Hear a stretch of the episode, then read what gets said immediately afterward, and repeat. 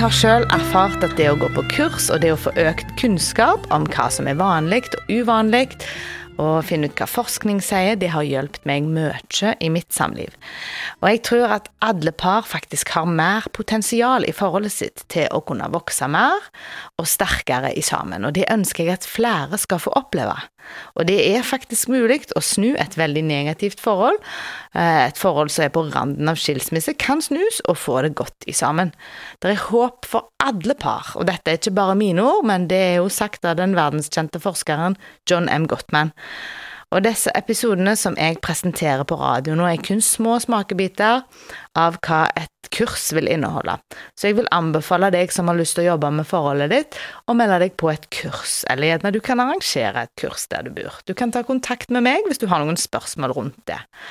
Men i dag så skal vi altså snakke om sex, og om det å ha et godt sexliv. Og da begynner vi med å snakke litt om hvordan vi forstår sex, og hva vi tenker at det er, og hvilken hensikt det egentlig har. Og jeg velger å påstå at dette er naturens flotteste måte å bygge nærhet og fortrolighet på. Jeg tror at vi er skapt av Gud, og at Han har gitt oss seksualitet som en gave som Han ønsker at vi skal nyte hos hverandre i fulle drag innenfor rammen av ekteskapet. Våre egne oppfatninger av sex kan være annerledes enn det Gud hadde tenkt. Og siste halvdel av det 20. århundret så har jo sex blitt vektlagt veldig mye. Vi møter sex overalt. Live på TV, på reklame, i musikken, og noen ganger blir sex gjort billig. Noen ganger blir det gjort veldig sentimentalt. Noen ganger blir det framstilt som en avhengighet, noen ganger som et instinktivt behov eller som en rettighet som vi har, noen ganger med fokus på at sex gir makt, og nesten alltid blir det presentert oss utenfor rammen som ekteskapet gir. Og dette er med å prege vår oppfatning av hva sex er, og hvordan det fungerer, og hva det representerer for oss. I kristen sammenheng så har det blitt snakka lite om. Historisk sett så har jo kirka vært en del av skylda for at det har vært så tabubelagt. På 300-tallet så sa Augustin eh, Han snakket om den skam som hviler over ethvert samleie. Heldigvis så har vi mer åpenhet og mer opplysthet i dag. Men her har vi òg et paradoks, for selv om vi bombarderes av sex og åpenhet rundt det, så snakker vi aldri privat om sånne ting. Eh, og vi ennå så er vi mindre åpne hvis vi har utfordringer på dette området. Jeg har fire påstander som er i tråd med hva Bibelen sier om at sex er, som jeg vil presentere for deg nå, og så kan du høre etter om du er enige eller uenige. Og nummer én, der sier vi at sex er en sterke kraft, og når sex praktiseres i kjærlighet til en annen person, så både uttrykker det og skaper det samhørighet imellom de to. Og det er noe mer enn bare en fysisk nytelse et øyeblikk.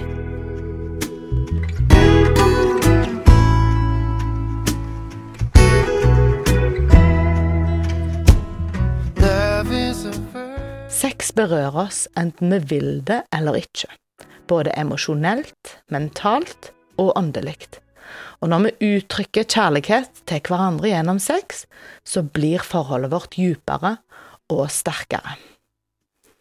Det var påstand nummer én. Påstand nummer to, den sier sex er en livslang oppdagelse. Cirka midt i Bibelen så finnes det erotiske dikt som beskriver forholdet mellom to elskende. Her finnes det ikke spor av skam, skyld eller forlegenhet. Det er fantastisk lesning, syns jeg. Kulturen vil gjerne ofte framstille det som eh, om når sexlivet mister piffen, så er det naturlig at forholdet er over, eller at da må du få deg en elsker på si for å friske opp igjen piffen. Men faktum er at om du får deg en ny sexpartner, så må du gjennom en prosess og bli kjent med den og dens kropp, og det å ha sex med den samme partneren gjennom mange år gir mange flere muligheter til å lære seg hverandre å kjenne, og det å kjenne seg trygge på å teste videre og utvikle det seksuelle. Vi tror veldig ofte, eller vil ikke tenke på, at eh, voksne og eldre par eh, har sex, men eh, faktisk så er ikke dette sant. Mange par har sex til langt oppe i 70-årene, og kanskje lengre enn det òg. Påstand nummer tre. Sex er en sentral ingrediens i et godt samliv. Vi tenker kanskje, når vi har vært i et forhold over tid, at ikke det er så viktig. Eh, for eksempel når vi er slitne småbarnsforeldre, eller mange har kanskje en holdning til at sex er på en måte som glasuren eller pynten på kaka, liksom. Det skal være prikken over i-en. Men det er feil. Eh, jeg påstår faktisk, og Bibelen påstår, at sex er en sentral ingrediens som skal aktes, og som er viktig å opprettholde. Ha sex og avtale hvis vi skal være avholdende, faktisk. Og mye av det som Bibelen sier, må leses i et lys av den tida den er skrevet på.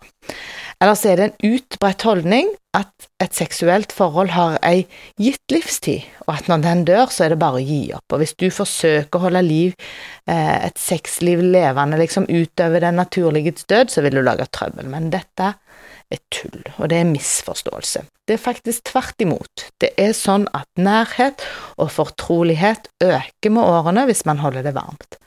Så i stedet for å gi opp eller gi etter for å la være å ha sex, så bør vi her legge inn en ekstra innsats og finne nye og kreative måter for å tenne hverandre og glede hverandre seksuelt. Undersøkelser avslører at stadig flere par velger å leve sammen som seksuelt avholdende, rett og slett sølibat, fordi de ikke har trang til eller har tid til sex. Karriere og penger går foran. Dette synes jeg er trist, og det må vi gjøre noe med. Den siste påstanden, den fjerde siste påstanden som jeg skal komme med nå, det er eh, at sex, det er å gi. Bibelen snakker veldig tydelig om det, f.eks. i Efeserbrevet. Samleie er den mest intime måten vi kan vise kjærlighet til hverandre på, og kjærlighet innebærer at vi ofrer noe for hverandre. Alle par må lære seg å øve på hvordan de kan gi nytelse til den andre. I enkelte perioder kan det innebære at en må avstå fra å ha sex av hensyn til den andre, og i andre perioder kan det innebære at en må gå med på å ha sex selv om en ikke følte for i utgangspunktet, men du gir fordi den andre har lyst. Det er naturlig at vi i perioder har mer eller mindre lyst på sex. Snakk sant og ærlig om det med hverandre. Sexlyst både kan og må vekkes til live igjen om det har vært stille en stund. Da tar det gjerne litt tid, og det er naturlig at ikke det blir full fyr med første forsøk, eh, men det blir bedre, og desto viktigere er det å fortsette å forsøke. Og et viktig element her er at selv om det gjerne bare er den ene som har eh, det fysiske problemet, f.eks. kvinnen etter barnefødsler, har gjerne utfordringer som kan være knytta til f.eks. det å bli våt, eller mannen som av stress og slitenhet kan ha problemer med å få reisning, så er det veldig viktig at vi tenker at dette er ikke eller ditt problem, dette er vårt problem. Dette er en felles utfordring som vi møter sammen og tar ansvar for, og er enige om å løse sammen. Og det er viktig å ikke gi opp eller stresse mer rundt disse situasjonene, men vite at det er helt normalt, og så bare fortsette å øve igjen. Uh, enkelte ganger så kan utfordringene være større eller alvorligere, og da kan vi gjerne søke hjelp, men ikke vent for lenge med det. Det finnes mye og god hjelp å få. Oppsummert for i dag kan vi si at sex er en fantastisk gave fra Gud, som er meint til å glede seg over i sammen i et livslangt ekteskap. Og neste gang skal vi snakke mer konkret om seks gode sider med sex. Håper vi høres. Takk for nå, og lykke til med å øve dere på det vi har snakket om i dag.